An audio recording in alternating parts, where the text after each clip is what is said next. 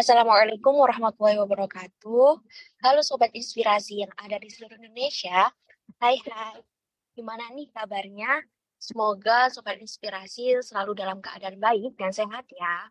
Perkenalkan, aku Nahwal Sefil Adilah dari mahasiswa FK Unsa Angkatan 2021 selaku uh, selaku podcaster di podcast kali ini. Aku biasa dipanggil Nahwa. Senang banget nih bisa berkesempatan jadi podcaster pada acara uh, Astrocast yang diselenggarakan oleh Astrosite FK Unusa. Nah, pada kesempatan kali ini kita akan membahas putar uh, mahasiswa FK. Apa nih bayangan yang terkait dengan mahasiswa FK itu sendiri? Butuh buku kali ya? Uh, benar nih, pasti yang ada di bayangan kalian mahasiswa FK terkesan kutuk buku dan sangat sibuk dengan dunia perkuliahan itu sendiri.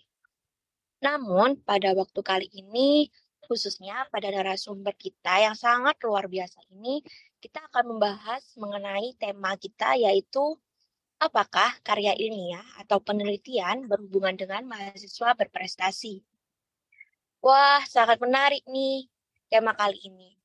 Yuk mari kita simak sampai akhir ya. Siapa ya kira-kira narasumber kita pada Astrocast kali ini? Jeng jeng jeng jeng. Siapa ya? Oke, kita tidak perlu menunggu lama-lama ya, teman-teman. Mari kita perkenalkan narasumber kita adalah mahasiswa FK Unusa angkatan 2020, saudara Kak Alsa Safira yang di mana kerap dengan dipanggil Kak Alsa Wah, Kak Elsa ini sangat luar biasa dalam pengembangan uh, pengalaman penelitian ilmiah hingga menjadi mahasiswa berprestasi. Yuk, mari kita dengar suaranya terlebih dulu ya nih, teman-teman. Assalamualaikum Kak Elsa. Waalaikumsalam warahmatullahi wabarakatuh. Halo semuanya, perkenalkan nama aku Alsa Safira, panggil aja Kak Alsa. Jadi di sini kakak sudah semester 6 dan angkatan 2020 dari FK Unusa. Oke. Jadi kita mau bahas apa di sini, Nahwa? Uh, wah, ternyata Kak Alsa sangat bersemangat sekali nih, teman-teman. Jadi di sini Kak Alsa kita akan membahas mengenai uh, karya ilmiah dan penelitian yang berhubungan dengan mahasiswa berprestasi.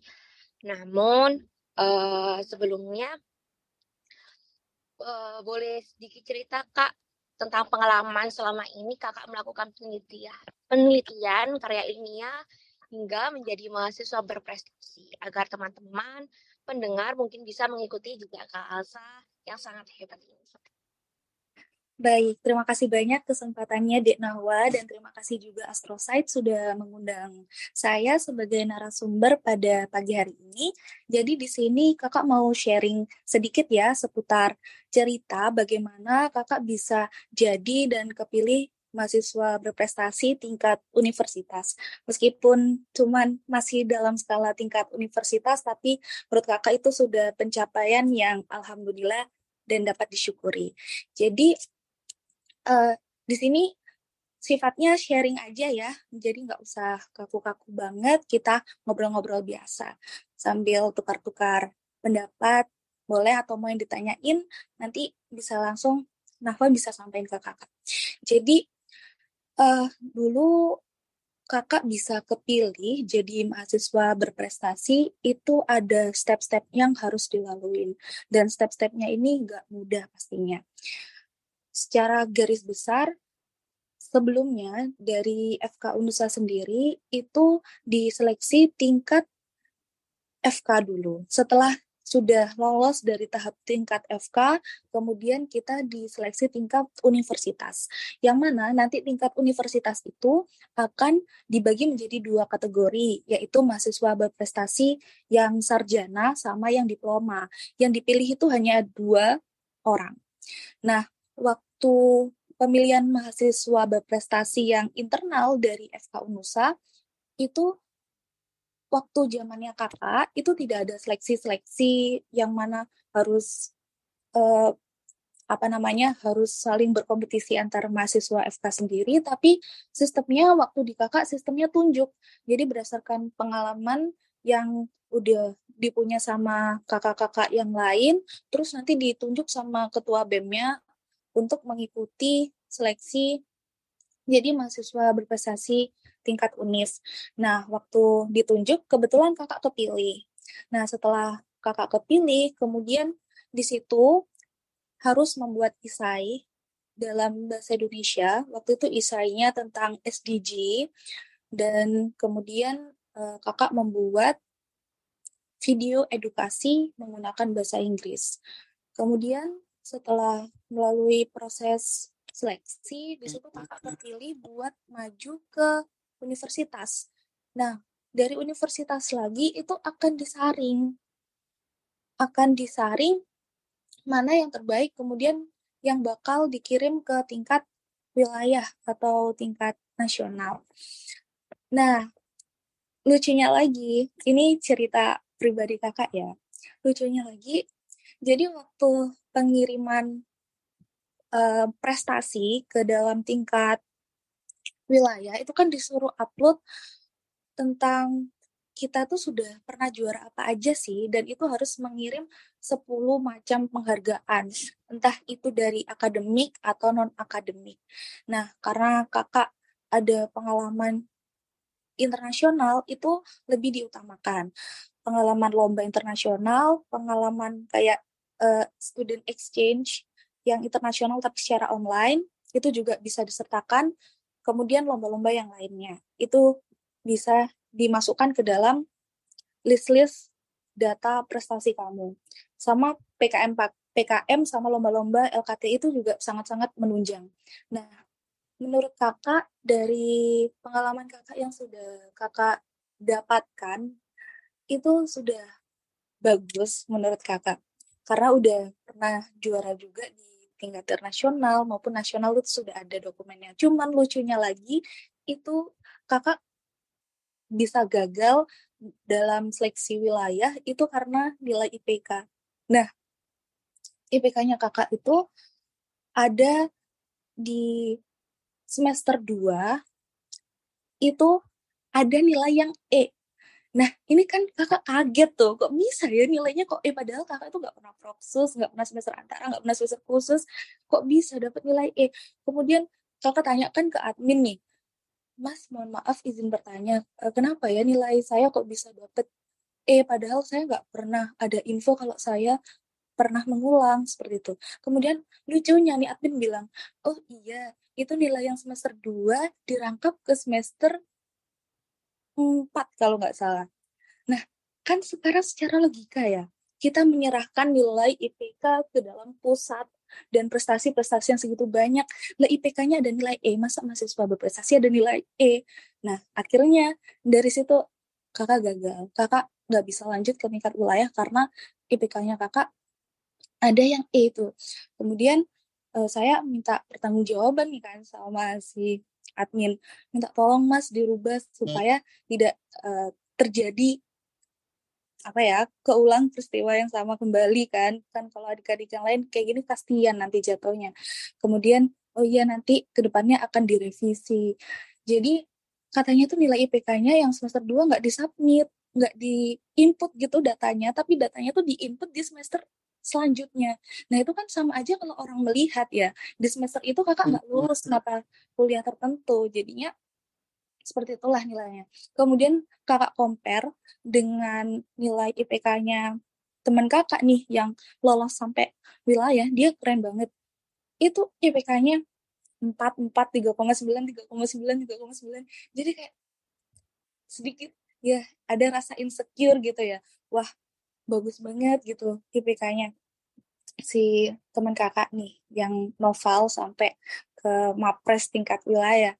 Karena mungkin juga kita mahasiswa FK ya jadinya mungkin ini gak lebih susah mata pelajarannya juga. Jadi ya IPK 3,5 3,4 itu udah bagus. Ya itu sih yang buat kakak gagal di uh, pemilihan mahasiswa berprestasi tingkat nasional. Jadi dari cerita kakak ini, uh, kakak mohon buat adik-adik selanjutnya nih yang mungkin nanti akan meneruskan kakak, nanti coba dilihat nilai IPK-nya bagaimana. Kalau memang nilai IPK-nya kalian ada yang bermasalah atau ada yang kurang sesuai nih, kalian harus urus dahulu sebelum kalian submit. Karena itu nanti bisa menjadi fatal untuk ke depannya. Kemudian bagi adik-adik nih yang mau mempersiapkan dirinya, yang mau mempersiapkan dirinya untuk mengikuti seleksi mahasiswa berprestasi, jangan ragu-ragu ya adik-adik, kalian juga masih semesternya masih muda-muda, masih banyak waktu, masih banyak kesempatan untuk mengumpulkan berbagai macam prestasi, sertifikat, entah itu dari akademik atau non-akademik untuk mengikuti kegiatan pilihan mahasiswa berprestasi. Itu sih, Dek Nawa, singkat cerita, latar belakang dari kisah kakak untuk mengikuti pemilihan mahasiswa berprestasi. Wow, teman-teman yang mendengar pasti kesal senang dan mengetahui perjuangan suka maupun duka dari Kak Elsa ini.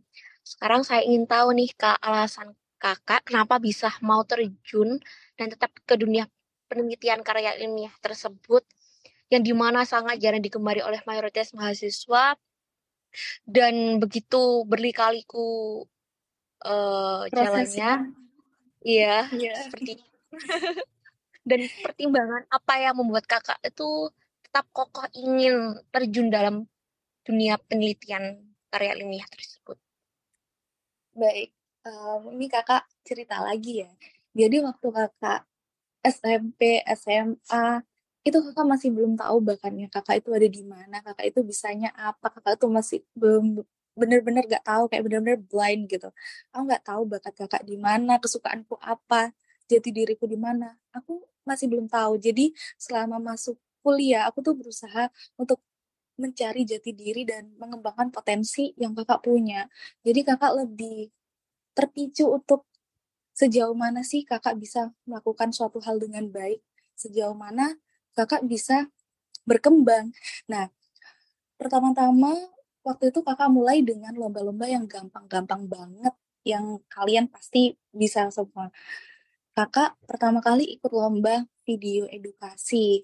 Nah, kalian kan sudah apa ya, sudah pasti familiar kan dengan vlog atau dengan membuat video, edit-edit video sekarang udah canggih banget zamannya. Nah, kakak buat video edukasi itu hanya bermodalkan HP dan juga aplikasi YouCut di HP. Dan kebetulan waktu itu kakak menang lomba video edukasi. Nah, setelah pertama kali menang lomba yang sangat uh, yang biasa aja ya, bukan kayak karya tulis ilmiah atau apa, itu kayak memotivasi diri kakak gitu loh. Gimana kalau kakak uh, coba lom ikut lomba-lomba yang lain, apakah kakak bisa?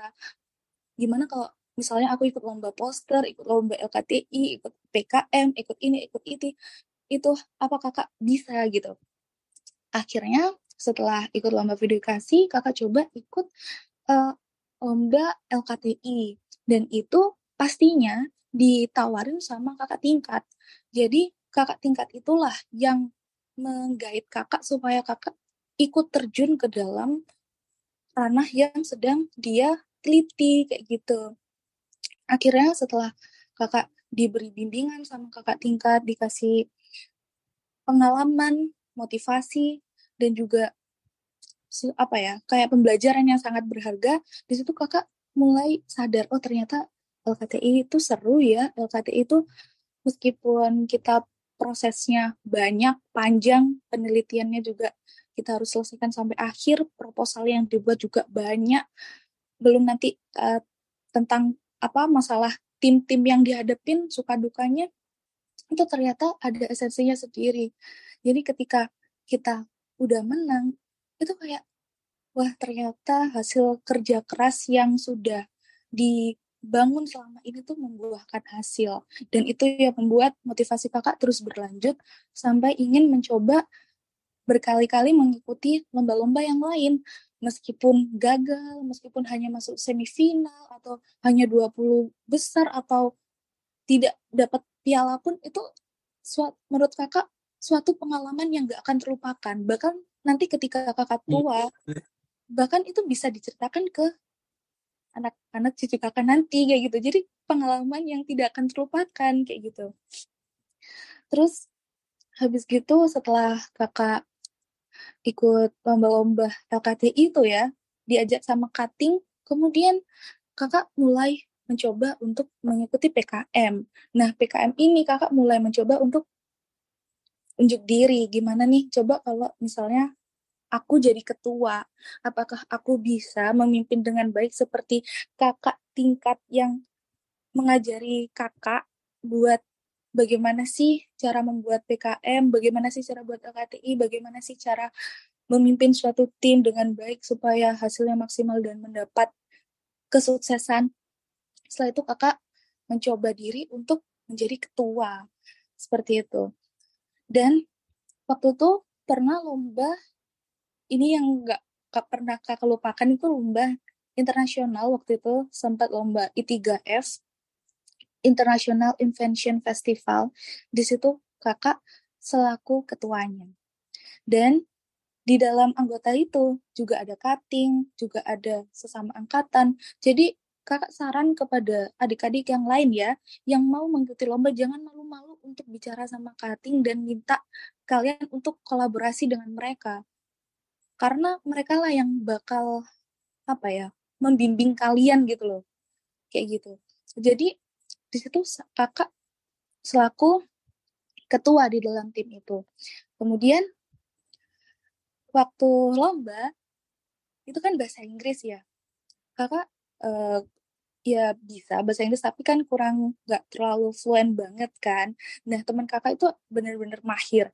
Jadi waktu itu kita mulai dari presentasi, kemudian menjawab pertanyaan, kemudian membuat proposalnya, LKTI-nya, itu semuanya pakai bahasa Inggris dan jurinya pun didatangkan langsung dari Australia.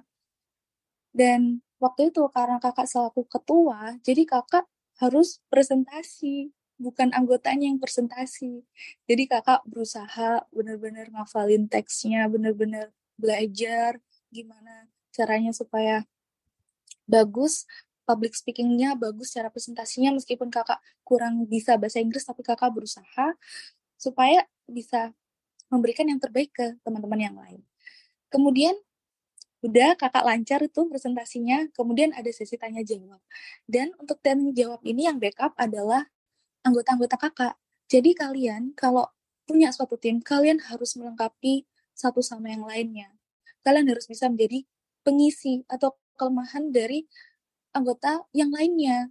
Jadi jangan acuh tak acuh seperti itu. Jadi teman-teman kakak itu mengisi karena mereka public speakingnya bagus, kemudian bahasa Inggrisnya juga sangat-sangat mahir. Jadi waktu sesi tanya jawab kita saling ini saling jawab menjawab akhirnya nilainya pun bagus dan pada itu juga kakak berhasil memperoleh tiga medali ada gold medal kemudian Best Poster, sama Best Agia Award. Dari satu lomba, kakak berhasil menyabet tiga medali. Dan itu benar-benar pengalaman yang gak terlupakan.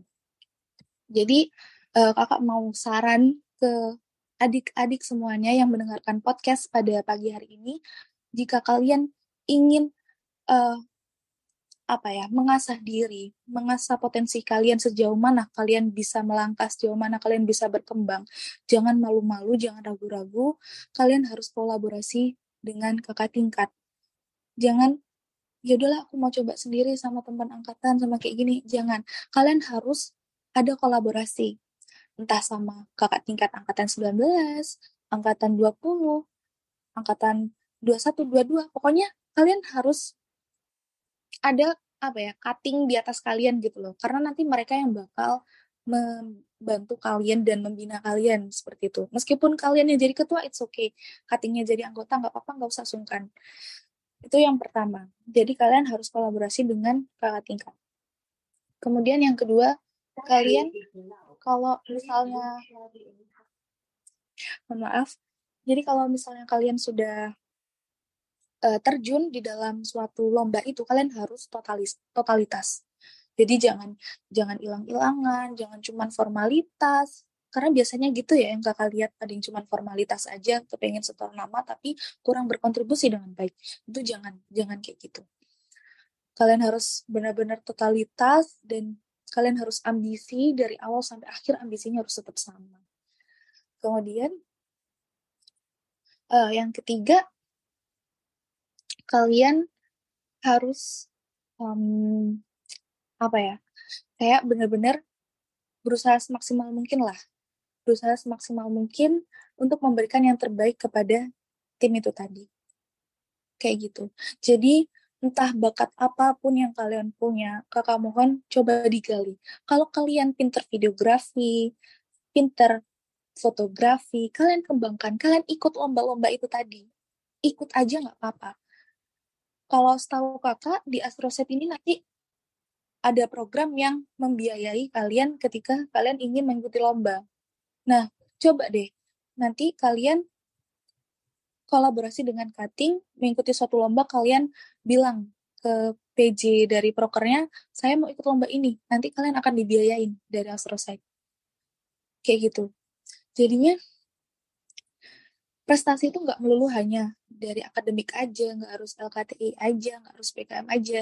Entah bakat non akademik, apa pun yang kalian punya, badminton, futsal, basket, semua itu bisa dikembangkan.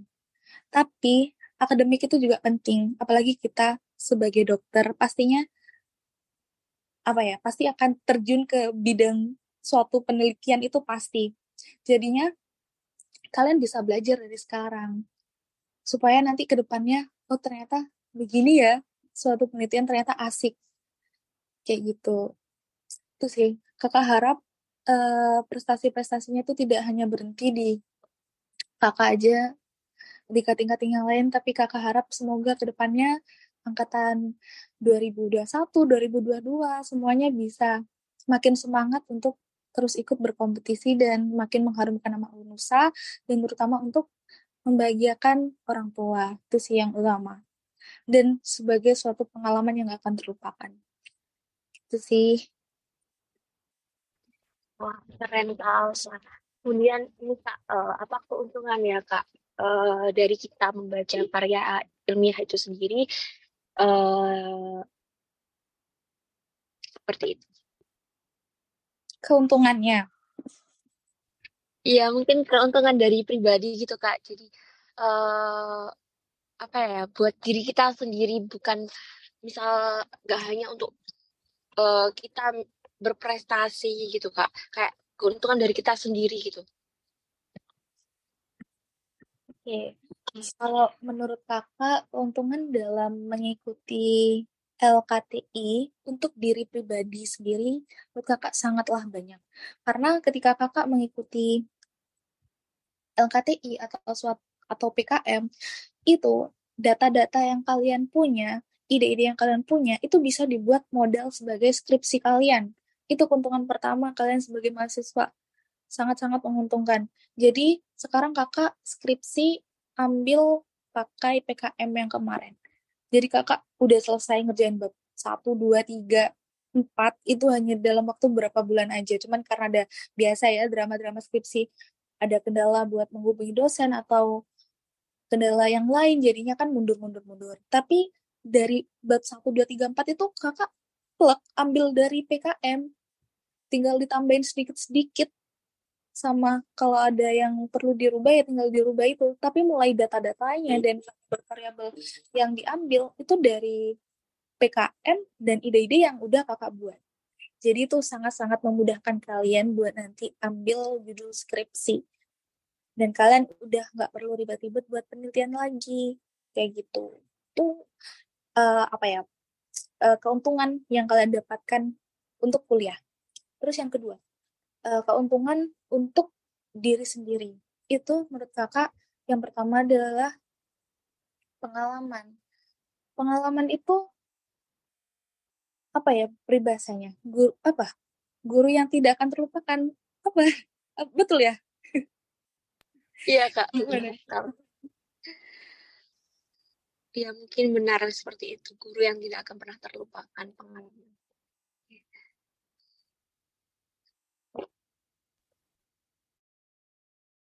ya gitu deh jadi guru adalah pengalaman paling berharga. Eh, apa sih? apa ya? Guru eh pengalaman adalah guru yang paling berharga. Nah, betul ya? Ya, okay. betul. nah, itu itu adalah yang kedua. Pengalaman yang paling berharga. Pengalaman pastinya buat kebanggaan pribadi. Kebanggaan pribadi, kebanggaan orang tua, dan nanti pastinya kalau udah besar pasti akan dicerita-ceritakan ke anak-anaknya nanti kamu dulu pernah kayak gini dulu pernah kayak gini waktu kuliah pernah pernah ikut lomba ini buat ini. Jadi sebagai motivasi juga buat mereka kayak gitu. Jadi gak akan pernah terlupakan sih pengalaman-pengalaman ikut-ikut lomba kemudian bisa dapat juara. Itu tuh benar-benar suatu pengalaman berharga. Hmm, kemudian yang ketiga keuntungan untuk pribadi udah. Mungkin keuntungan untuk universitas ya. Jadi juga bisa mengharumkan nama FK Unusa lalalalala seperti itulah. Ya. Kemudian juga bisa mendapatkan relasi dosen-dosen. Itu kalian lebih dikenal dekat sama mereka. Bahkan uh, kakak itu udah deket banget sama dosen-dosen yang ada di FK Unusa. Udah apa ya kayak bener-bener klop gitu. Kayak seakan-akan kayak ibu dan anaknya gitu loh kayak seakan-akan murid tapi bener-bener udah klop banget sama dosennya. Nah itu kakak juga kenal sama beliau. Beliau ada putri benar-benar baik orangnya. Dan kami semua juga menganggap beliau adalah ibu kami ketika PKM ketika LKTI itu beliau benar-benar membimbing kami benar-benar memberi arahan kami dengan baik selama kegiatan PKM. Jadi kalian juga akan dapat relasi dosen-dosen itu tadi. Kayak gitu. Jadi banyak banget ya keuntungan-keuntungan yang bisa kalian dapatkan ketika kalian berkontribusi ke dalam penelitian ilmiah.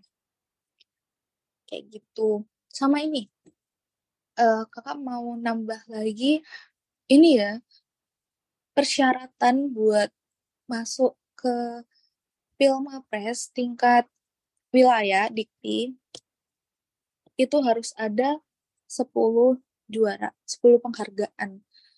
Penghargaan atau pengalaman boleh misalnya kayak pengalaman tingkat internasional itu bisa dimasukkan.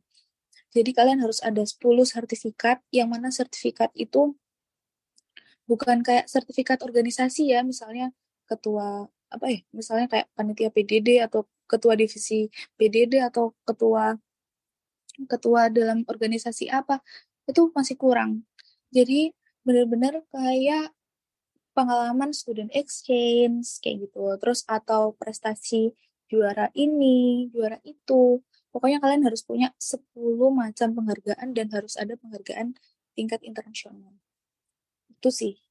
Itu itu tambahan ya buat ke depannya nanti adik-adik selanjutnya yang akan meneruskan ke Pilmapres tingkat wilayah. Jadi kalian masih banyak waktu, ayo dikejar prestasinya.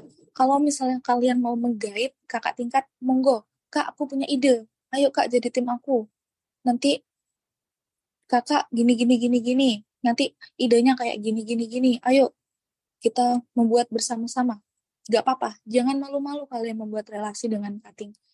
Karena kalian pasti butuh mereka apalagi mereka juga lebih berpengalaman kayak gitu itu sih. Buat adik-adik selanjutnya ayo segera dikejar. Gak apa-apa masih banyak waktu masih banyak peluang untuk dapat juara. Mulailah dari lomba-lomba yang kecil-kecil aja. It's okay nggak apa-apa. Meskipun lomba kecil-kecil itu pun kalau kalian menang itu sudah rasanya bahagia beneran. Ada orang yang bilang kalau lomba kayak gitu tuh ah nggak ada apa-apanya. Tapi kalau menurut kakak meskipun kalian lomba sekecil apa pun dan kalian bisa memberikan kontribusi yang terbaik dan memberikan juara itu udah suatu pengalaman yang berharga. Entah orang ngomongnya apa halah cuma lomba itu halah cuma lomba ini. Tapi kalau kalian bisa menang itu udah suatu pengalaman yang sangat berharga menurut kakak.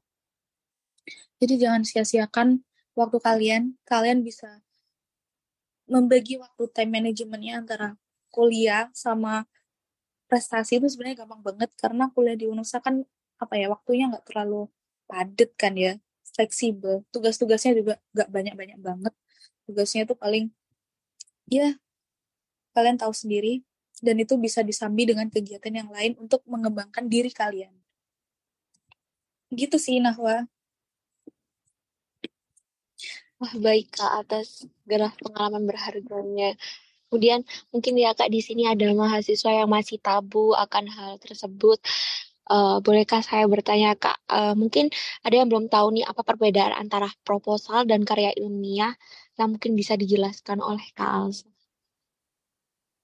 Proposal apa ini, Dek? Nah, Proposal seperti PKM tersebut Kak.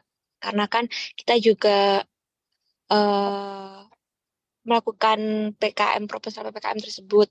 Nah, kemudian saya terinspirasi ada beberapa adik tingkat itu bertanya Kak ketika awal mahasiswa baru dan mungkin bisa dijelaskan melalui Astorcase ini. Jadi bedanya proposal sama penelitian yang lain ya? Proposal ya, PKM. Iya, Kak. Gini, kalau proposal PKM. PKM, kepanjangan dari Program Kreativitas Mahasiswa yang diselenggarakan sama Dikti tingkat nasional. Jadi, PKM itu adalah suatu penelitian juga dan banyak cabangnya. Ada PKMR, PKM PE, PKMK, PKMKC, banyak macamnya dan kalian itu bisa menyesuaikan dengan bidang kalian. Kalian mau penelitian bisa pakai PKMR, kalian mau kewirausahaan bisa pakai PKMK. Kalian mau membuat sesuatu alat atau bagaimana karsa cipta itu macam-macam. PKM PKM program kreativitas mahasiswa. Dan nanti ketika kalian sudah lolos pendanaan, kalian akan membuat suatu proses itu tadi. Kalian kan membuat proposal proposal udah lolos nih. Setelah kalian dapat pendanaan, kalian akan melakukan penelitian secara real, secara sungguhan dari dana yang kalian dapatkan. Setelah kalian melakukan penelitian, kalian akan mendapatkan hasil, dan hasil itu yang akan dipresentasikan ke juri. Dan masa waktu penelitiannya itu kan selama kurang lebih 4-5 bulan. Beda halnya sama LKTI. Kalau LKTI itu masanya lebih pendek. LKTI Lomba Karya Tulis Ilmiah. Dan ini lebih simpel daripada PKM. Jadi LKTI ini sama-sama penelitian sama kayak PKM. Cuman LKTI itu kita nggak dapat dana. Kita nggak dapat dana hibah dan kita hmm. bisa buat kayak penelitian baru kita presentasikan hasilnya. Enggak, kita nggak dapat dana dari LKTI. Jadi ketika kita daftar, kemudian kita ikut LKTI, itu kita akan mengumpulkan abstrak yang pertama. Di mana abstrak itu nanti terdiri dari latar belakang sampai kira-kira hasil yang kalian dapatkan. Jadi uh, kalau berdasarkan pengalaman kakak, LKTI yang waktu pernah kakak ikutin, kakak ngikutin itu yang simple-simple aja. Jadi penelitian sederhana yang sekiranya nggak butuh banyak makan uang. Sehingga dalam waktu yang singkat itu kakak bisa dapat hasil dari penelitian itu tadi. Kemudian hasilnya itu kita akan susun ke dalam suatu proposal. Misal nih, kalian udah lolos abstrak. Kemudian dilanjutkan ke full paper. Nah, full paper itu tadi isinya adalah semua kayak proposal PKM gitu tadi. Ada latar belakang ada pendahuluan ada metode kemudian ada hasil. Itu ada semua di dalam full paper. Tapi bedanya kalian selang waktunya pendek. Nggak kayak PKM PKM 4 bulan. Kalian dapat dana kalian dihibain. Kemudian kalian buat penelitian kalian dapat hasil kalian kumpulin proposal PKM tapi kalau LKTI kalian nggak dapat dana kalian nggak dapat dana hibah kemudian kalian buat suatu penelitian sederhana, kalian dapat hasil, paling selang waktunya selama satu minggu, dua minggu, itu udah dapat hasil, kemudian kalian uh, buat proposalnya, kalian kumpulin proposal itu. Kayak gitu bedanya LKTI. Atau, misal nih, kalian punya penelitian, kalian nggak lolos PKM, tapi kira-kira uh, penelitian itu kalian bisa lakukan ujinya secara mudah, terus kalian masukkan ke LKTI. Nggak apa-apa, nggak apa-apa kayak gitu. Tinggal disesuaikan aja sama ketentuan yang punya lomba. Karena biasanya tiap instansi itu syarat dan ketentuannya beda-beda. Kayak gitu. Itu sih. Terus misal nih, uh, kalian mau buat LKTI. LKTI itu kan waktunya singkat kan. Kalian pasti berpikir, duh waktunya singkat, gimana mau penelitian kok waktunya singkat, kayak gitu kan. Padahal penelitian itu pada umumnya uh, sekitar empat bulan, tapi LKTI dua minggu, tapi kalian udah bisa dapat hasil itu gimana ya? Nah, kalau tips dari kakak sih, kalian cari yang mudah-mudah aja. Waktu itu uh, bisa, misal kalian mau membahas tentang mikro ya, tentang mikrobiologi. Kemudian kalian siapkan mediumnya. Kemudian kalian tanam bakterinya, kalian beri apa gitu perbandingan antara ini nih. Kalau nanam bakteri kayak gitu itu insya Allah nggak lama-lama kok dalam apa inkubasinya tuh nggak lama-lama. Jadi kalian udah bisa dapat hasil dalam waktu kurang lebih satu mingguan itu kalian udah bisa dapat hasil. Kemudian kalian tulis hasil-hasilnya gimana. Atau enggak kalian mau pakai data. Misal nih kalian lihat tentang uh, kebutuhan kalian buat suatu ini ya, suatu formula makanan bernutrisi gitu.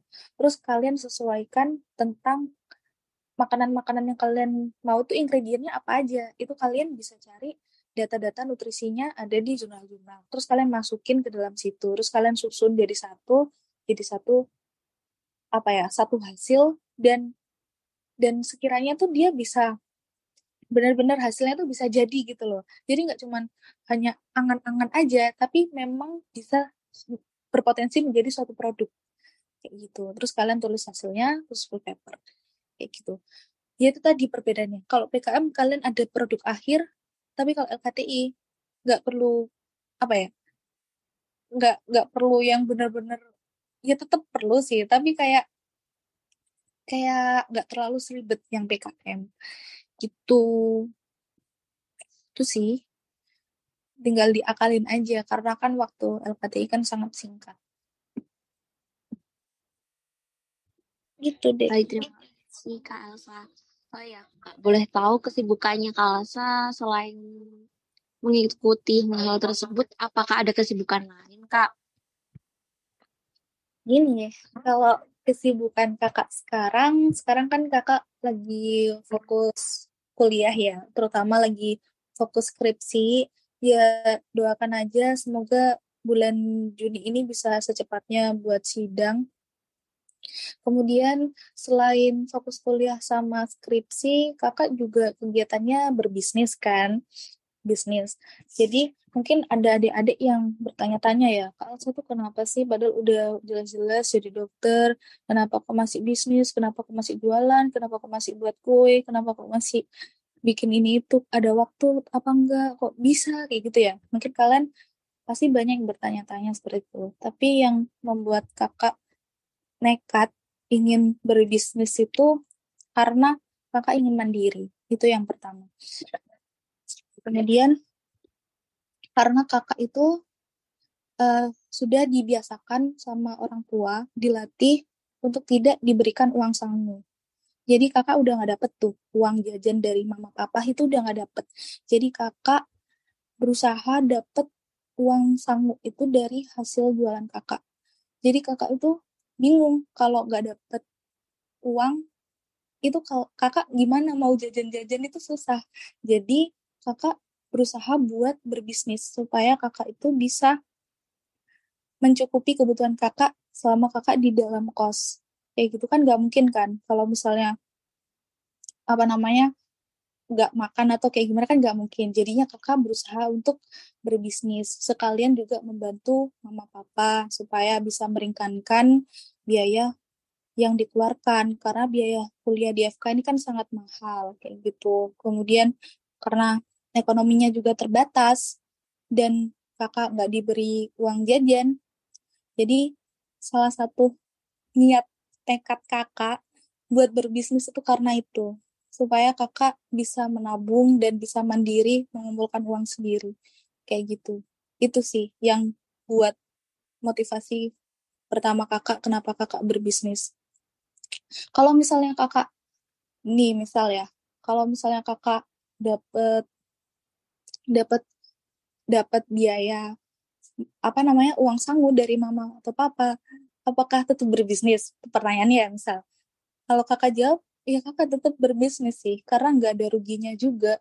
Karena gimana ya kita tuh aku berusaha untuk belajar bagaimana cara mengelola uang yang baik dan benar dari masa kakak kuliah sekarang. Karena mengelola uang itu sangatlah sulit sangatlah sulit apalagi kalau kalian sudah mulai memasuki dunia bisnis. Belum kalian membayar karyawan belum kalian membayar uang sewa belum kalian membayar modal belum kalian ngurusin kuliah belum kalian ngurusin semuanya. Dan itu gimana kalian harus benar-benar pinter mengatur waktu manajemen keuangan harus lebih baik. Jadi itu adalah suatu upaya kakak untuk mendewasakan diri kakak juga supaya bisa lebih mandiri dan bisa menjadi wanita karir kayak gitu sih. Gitu dek Nahwa. Wah sangat kesibukan sangat keren sekali Kak Alsa di tengah kesibukannya sebagai mahasiswa kedokteran, kemudian menjadi bisnis dan uh, menjadi mahasiswa berprestasi. Dapat kita dengarkan sesama ya teman-teman, mungkin bisa jadi bahan pertimbangan nih untuk memperbanyak pengalaman dalam penelitian dan hal lain sebagainya. Kemudian seperti yang barusan kita bahas dengan Kak Alsa yang di mana memiliki pengalaman, di kala itu Kak Alsa juga mungkin menjabat nih Kak sebagai wakil astrosite ketika kala hmm. itu saya tahu dan yeah. kemudian menjabat dengan kegiatan yang lainnya uh, dengan jabatan tersebut dan keadaan-keadaan yang lain itu uh, bagaimana cara Kak Alsa mengatur dan memprioritaskan agenda antara belajar di FK, menjadi mahasiswa berprestasi, kemudian dan lain sebagainya aktivitas tersebut, mungkin ada tips and trick dari Kak sendiri. Oke, untuk manajemen waktu ya, Dek. Jadi untuk manajemen waktu yang biasanya kakak lakuin tuh dari kesibukan kakak, mulai dari yang tahun lalu ya, organisasi, kemudian ada penelitian, kemudian uh, akademik, itu gimana sih cara membagi waktunya? Jadi kakak itu uh, jujur bukan tipe orang yang rajin-rajin banget ya, tapi kakak itu mau berusaha. Nah, misal nih, kalau uh, kakak lagi fokus kuliah, itu kakak malam itu kan ada les. Malam ada les setelah pulang setelah selesai pulang kuliah malam ada les kemudian sampai malam pokoknya malam itu waktu kakak steril untuk belajar. Tapi kalau waktu-waktu kayak pagi siang sore itu kan ada waktu kuliah. Kalau ada waktu kosong itu kakak sambil ngerjain PKM bahkan kakak pun ngerjain PKM di dalam kelas bahkan sampai ke perpus sendirian gitu ngerjain PKM terus habis gitu ketemu sama anggota-anggota PKM tiap sore kayak gitu. Sampai malam itu pun pernah. Jadi terus habis gitu untuk yang bisnis itu kakak sterilkan hanya untuk Sabtu dan Minggu. Itu kakak open order. Dan membuat kuenya tuh ya hari Sabtu malamnya gitu. Sabtu malam terus habis gitu minggu itu udah bisa dikirim. Kayak gitu. Jadi kalau misalnya kakak jadiin satu dalam satu keseharian semua itu gak akan bisa. Pasti harus ada salah satu yang dikorbanin. Kalau kakak karena kakak bisnisnya tuh bersifat fleksibel jadi kakak masaknya tuh hanya bagian hari Sabtu sama Minggu. Pokoknya dari Jumat itu kakak udah pulang terus mulai beli-beli bahan satu sama minggu khusus buat bisnis. Tapi kalau tentang masalah kuliah, organisasi, itu kakak dari hari Senin sampai Jumat, itu kakak fokusin di situ. Kan kalau di FKU Nusa kan nggak terlalu banyak tugas ya, jadi kalian itu bisa memanfaatkan waktu itu buat mengembangkan diri kalian, untuk mengasah potensi kalian. Beda banget iya, esensinya ketika kalian kuliah di negeri, dan itu kakak sudah rasakan perbedaannya. Ketika kalian di negeri, kalian tidak akan ada waktu buat seperti yang kakak bicarakan. Kalau ada orang yang seperti itu berarti dia benar-benar hebat. Karena dulu waktu kakak kuliah di negeri pun gak ada gak ada waktu benar-benar full untuk akademik dan organisasi aja sama prestasi. Nah, itu kalian bisa manfaatkan waktu-waktu kosong kalian. Kalian ada jam kos atau ada ada apa jangan dibuat tiktokan jangan dibuat scroll reels itu kayak bener-bener menurut kakak buang-buang waktu ya karena ketika kalian buka HP kalian nge-scroll tuh Instagram atau TikTok itu nggak kerasa tuh satu jam udah berlalu gitu aja mendingan kalian buat cari info lomba kalian buat membentuk tim kalian buat proposal di waktu-waktu kayak gitu tuh lebih bermanfaat kayak gitu. Jadi penuhi waktu-waktu senggang kalian dengan kegiatan yang lebih berproduktif. Kayak gitu. Jadi di sini kakak nggak bahas secara teoritis ya tentang bagaimana manajemen waktu yang baik. Mungkin kalian semua juga udah tahu, tapi kakak akan bercerita apa yang pernah kakak alami aja sesuai real cerita kakak. Kayak gitu. Bahkan di kampus pun tadi seperti yang kakak bilang kakak lagi nyambi ngerjain proposal PKM, kemudian kalau ada garapan tentang apa namanya organisasi itu juga kakak kerjain di kampus. Bahkan kemarin itu kakak dulu kan juga jadi BPI Karotis.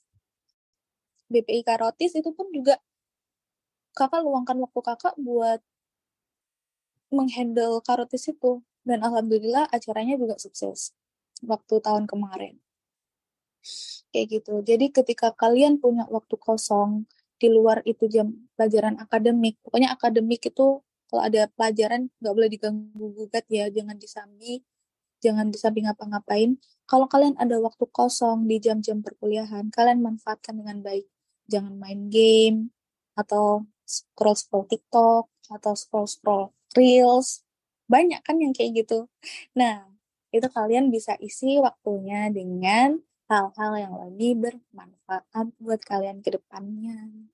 Nah, kapan Kak kalau misalnya mau healing, nonton atau apa? Ya ketika kalian bener-bener udah senggang banget. Jangan misalnya ada tanggungan, masih ada tanggungan nih. Oh, aku belum selesai prokerku, oh, aku masih belum selesai PKM-ku. Tapi kalian milih healing duluan. Jangan gitu. Kadang kalau kita udah healing, ntar pasti terlena. Ketika udah healing, waktu pun habis, kalian tidur eh nggak sadar tuh udah hari selanjutnya. Gitu aja terus akhirnya PKM nggak diselesaikan akhirnya broker nggak dikerjakan. Akhirnya apa yang kalian mau kerjakan pun nggak akan tercapai. Karena buang-buang waktu itu tadi. Jadi pesan kakak ketika kalian ada waktu luang kalian harus manfaatkan waktu itu dengan baik dengan kegiatan yang lebih produktif. Itu aja sih tipsnya. Kalau cara manajemen waktu kayak mana, tiap orang itu pasti beda. Beda-beda caranya, beda-beda metodenya. Entah cara kakak atau cara kalian mungkin berbeda. Kayak gitu. Kalau tadi itu adalah salah satu gambaran kakak buat atur manajemen waktu kakak. Jadi benar-benar manfaatin waktu kalian sebaik-baiknya buat kegiatan yang lebih berproduktif dan lebih bermanfaat.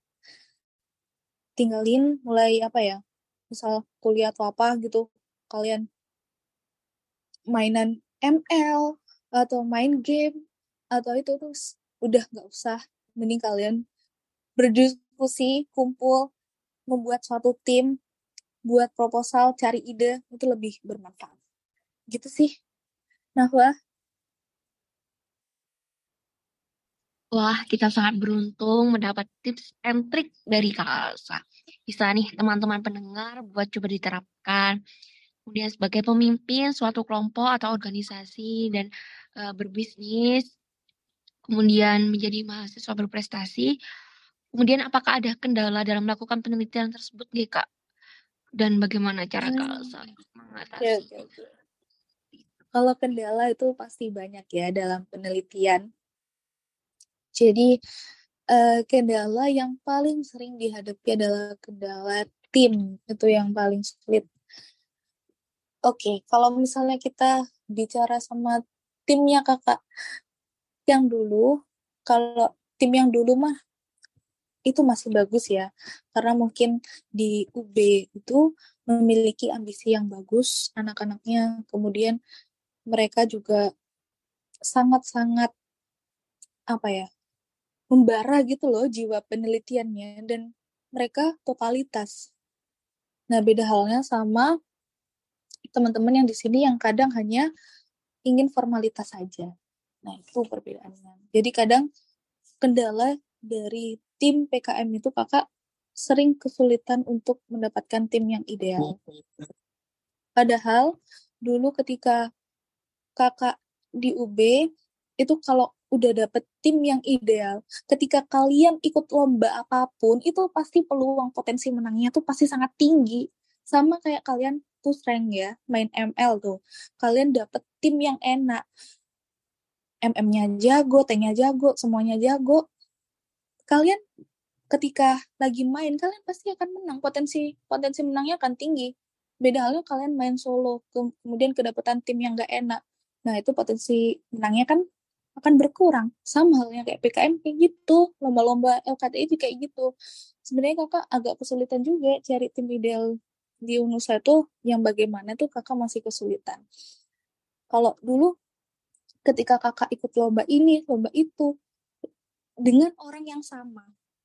Karena kita sudah membentuk suatu chemistry dan juga kita memiliki visi misi yang sama, tujuan yang sama, ambisi yang sama. Dan akhirnya ketika kita mengikuti lomba, itu peluang menangnya tuh tinggi. Dan itu bukan hanya satu dua lomba aja yang sudah diikuti dan itu sudah terbukti. Ketika kalian membentuk tim yang ideal, kalian mengikuti lomba apa aja, mulus jalannya beneran kemudian cara kakak itu buat menghandle itu semua akhirnya ya mau nggak mau bagian yang karena mereka hanya formalitas saja ya. Nganggapnya kayak oh, aku pengen ikut formalitas tapi ketika sudah mengikuti kemudian hilang-hilangan nggak mengerjakan proposal nggak mengerjakan penugasannya. Akhirnya mau nggak mau ketua harus handle semuanya. Dan itu tuh sudah wajar kayak gitu di sini.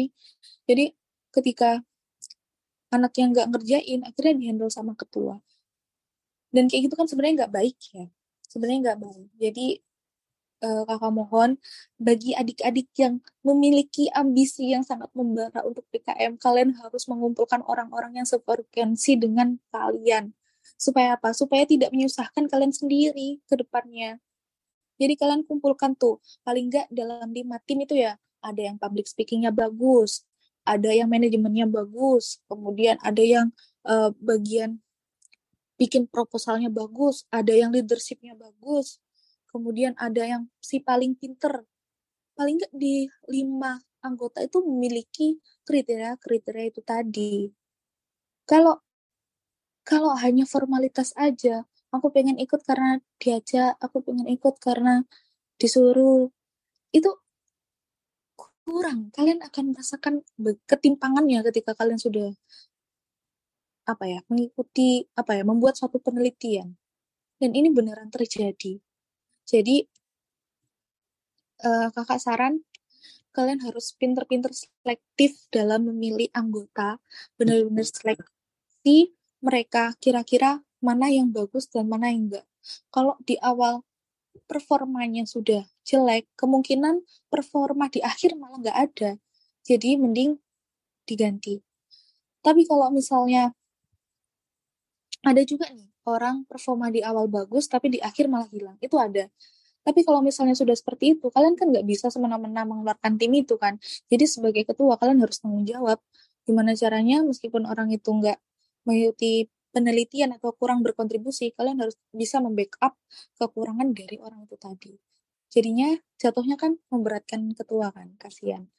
Nah, gitu. Jadi yang paling terkadang tersulit apa ya kendala tersulit itu adalah membuat tim ideal. Itu sangat-sangat sulit.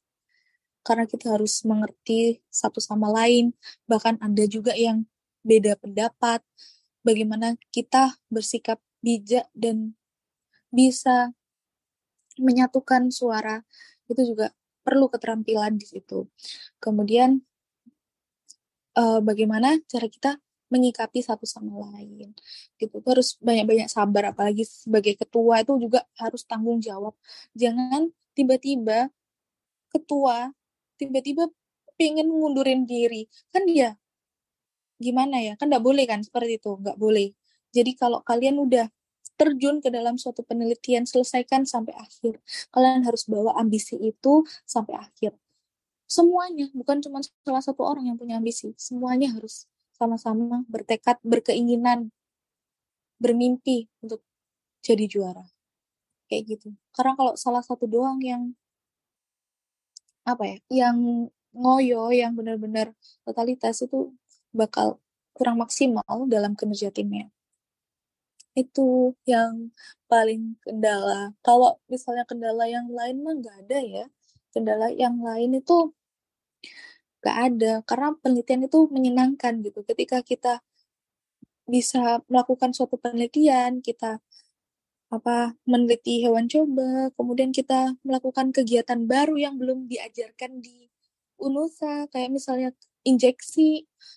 Waktu itu kakak anestesi apa injeksi tikus kayak gitu kan.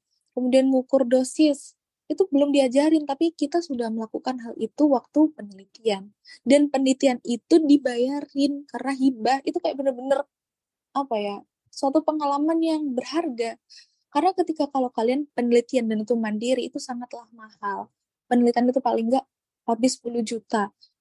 Kalian coba tanya ke kating-kating skripsi. Skripsinya habis berapa? Paling banyak kan 3 juta lebih. Nah itu kalau misalnya kalian ikut PKM itu bisa didanai. Kayak gitu. Jadinya enak. Waktu kalian ikut penelitian kan udah ada uangnya tuh. Kalian tinggal melakukan penelitiannya aja nggak perlu bingung cari uangnya gimana. Makanya itu selama kalian masih kuliah benar-benar manfaatkan waktu kalian sebaik-baiknya. Nanti kalau kalian udah kerja kecuali kalian bidang dosen ya di bidang dosen atau bidang penelitian itu kan pasti ada masih ada hibah-hibahnya lagi kalau kalian terjun di ranah itu.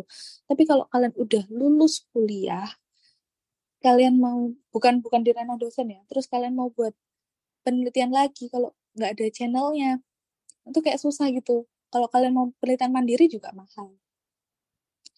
Itu itu sih. Terus habis itu kayak pendanaan PKMK kewirausahaan.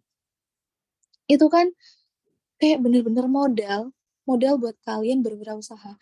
Kalian dapat modal cuma-cuma apa ya 10 juta secara cuma-cuma diberikan ke kalian dan kalian bisa mengembangkan itu gitu loh. Kalau misalnya kalian tiba-tiba bisnisnya viral dan itu bisa balik modal kan juga bisa kebaikan kalian ke depannya. Coba nih bayangin kalau kalian udah kerja kalian mau minta uang 10 juta, minta dari mana? Pasti pinjam ke bank kan? Atau enggak ngutang kan? Tapi kalau kalian mahasiswa, kalian dibayarin. Kalian dapat dana hibah. Kalian dapat duit secara cuma-cuma dari pemerintah buat kalian kembangin, buat kalian buat bisnis, buat kalian buat penelitian, buat kalian buat berinovasi. Itu kalian bisa explore ketika masih jadi mahasiswa. Tapi kalau kalian udah kerja, nggak akan bisa. Kalian dapat uang secara cuma-cuma 10 juta, pinjem bank, nanti nyicil per bulan. Kan biasanya kayak gitu. Jadi kalian harus manfaatkan waktu kalian selama kuliah dengan baik. Karena banyak banget fasilitas dan kemudahan-kemudahan yang diberikan dari instansi pemerintah kepada mahasiswa-mahasiswa yang mau berkontribusi untuk menyumbangkan ide-idenya untuk bangsa. Kayak gitu. Itu sih dari kakak. Pokoknya kalau penelitian itu pastinya sangat-sangat menyenangkan tinggal kalian pinter-pinter aja jadi leader yang bagus dan kalian benar-benar harus pinter seleksi anggota mana yang terbaik untuk mengisi kekurangan kalian. Itu sih Dek Nahwa yang bisa kakak sharing-sharing tentang seputar lika-likunya penelitian PKM LKTI. Wah, pelajaran sangat berharga banget nih Kak bagi teman-teman sekalian. Saya mewakili pendengar yang insya Allah berminat join dalam penelitian. Mengucapkan banyak terima kasih Kak atas informasi dan motivasi untuk hari ini. Dan bagi para pendengar, jangan lupa untuk direnungi ya. Tidak terasa kita sudah berbincang-bincang sangat lama nih dengan Kak Alfa. Dari perbincangan kita, kali ini saya dapat menyimpulkan bahwa terjun dalam dunia penelitian itu memiliki berbagai banyak manfaat dan Kak Alsa telah memberikan berbagai pelajaran dari pengalaman beliau. Jadi juga sudah uh, sudah kita dengar nih tips and trick yang banyak sekali terkait penelitian, karya ilmiah, dan hingga menjadi mahasiswa berprestasi. Kemudian di tengah uh, banyaknya lika-liku yang harus dijalani oleh Kak Alsa sendiri, bisa nih teman-teman sekalian terapkan dan bisa nih menjadi motivasi teman-teman sekalian iya. untuk tidak pernah puas dengan prestasi yang kita miliki. Kita harus bersyukur dan terus menggali potensi diri kita. Keren sekali narasumber kita kali ini. Sebelum kita akhiri Astrocast hari ini, mungkin bisa diberikan closing statement atau motivasi dari Kak Alsa nih untuk teman-teman pendengar kita. Silahkan Kak Alsa. Baik, terima kasih Dek Nahwa. Jadi closing statement untuk kakak, untuk kalian semua dari kakak.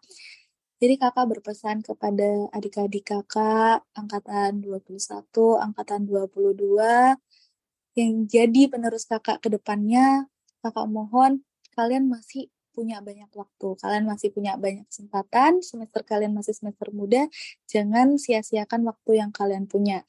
Kalian harus mengisi waktu kalian yang kosong itu dengan kegiatan yang lebih berproduktif, kegiatan yang lebih bermanfaat, seperti PKM, LKTI, atau mengikuti kegiatan lomba yang lain yang bisa mengasah diri kalian. Karena pengalaman adalah guru paling berharga yang bisa kalian dapatkan di kehidupan ini. Kayak gitu. Mungkin itu deh closing statement dari kakak. Baik teman-teman kalian itulah pesan dan sekaligus closing statement dari Kak Alsa, sobat inspirasi kita kali ini. Terima kasih ke, untuk Kak Alsa yang sudah berkenan hadir dan mengisi uh, pada Astrocast kali ini yang diadakan oleh Astroset FK Unsa. Dan dalam acara podcast tips mengenai karya ilmiah atau penelitian berhubungan dengan mahasiswa berprestasi. Semoga sobat inspirasi yang mendengarkan podcast ini bisa mendapatkan insight baru terkait penelitian ilmiah hingga menjadi mahasiswa berprestasi. Selalu sehat terus ya teman-teman dan Kalsa. Sebelum ditutup, boleh dong Kak spill insta Instagramnya biar bisa mutualan nih Kak dan biar makin inspirasi sama dokter yang super keren ini. Oke oke, boleh banget nih adik-adik semuanya mungkin yang masih belum ngefollow kakak dan mau mengenal lebih jauh tentang kakak, bisa langsung aja follow Instagram kakak at Alsa Safira. Atau kalian yang mau order nih, beli-beli cookies atau beli makanan, boleh banget di Instagram triplefeed.id. Kalau kalian siang-siang lapar, kepengen makan, ada juga penyetan. Sekalian promosi ya, Dek. Penyetan, kemudian ada juga mie ayam. Langsung aja ke warung mie hotplate papa yang ada di Gang Lebar. Oke, okay, itu adalah seputar dari kakak. Terima kasih untuk Astrosite yang sudah mengundang kakak menjadi narasumber pada siang hari ini. Semoga apa yang kakak sampaikan bisa mengena di hati kalian dan bisa kalian terapkan dan bisa jadi motivasi kalian untuk ke depannya. Terima kasih banyak ya Dek Nahwa dan adik-adik Astrosite. Baik, sama-sama Kak. Oh ya, jangan lupa ya guys, nih di follow Instagramnya. Oke, baik. Terima kasih untuk Sobat Inspirasi dan Kak Alsa. Mungkin sampai di sini dulu nih podcast kita hari ini.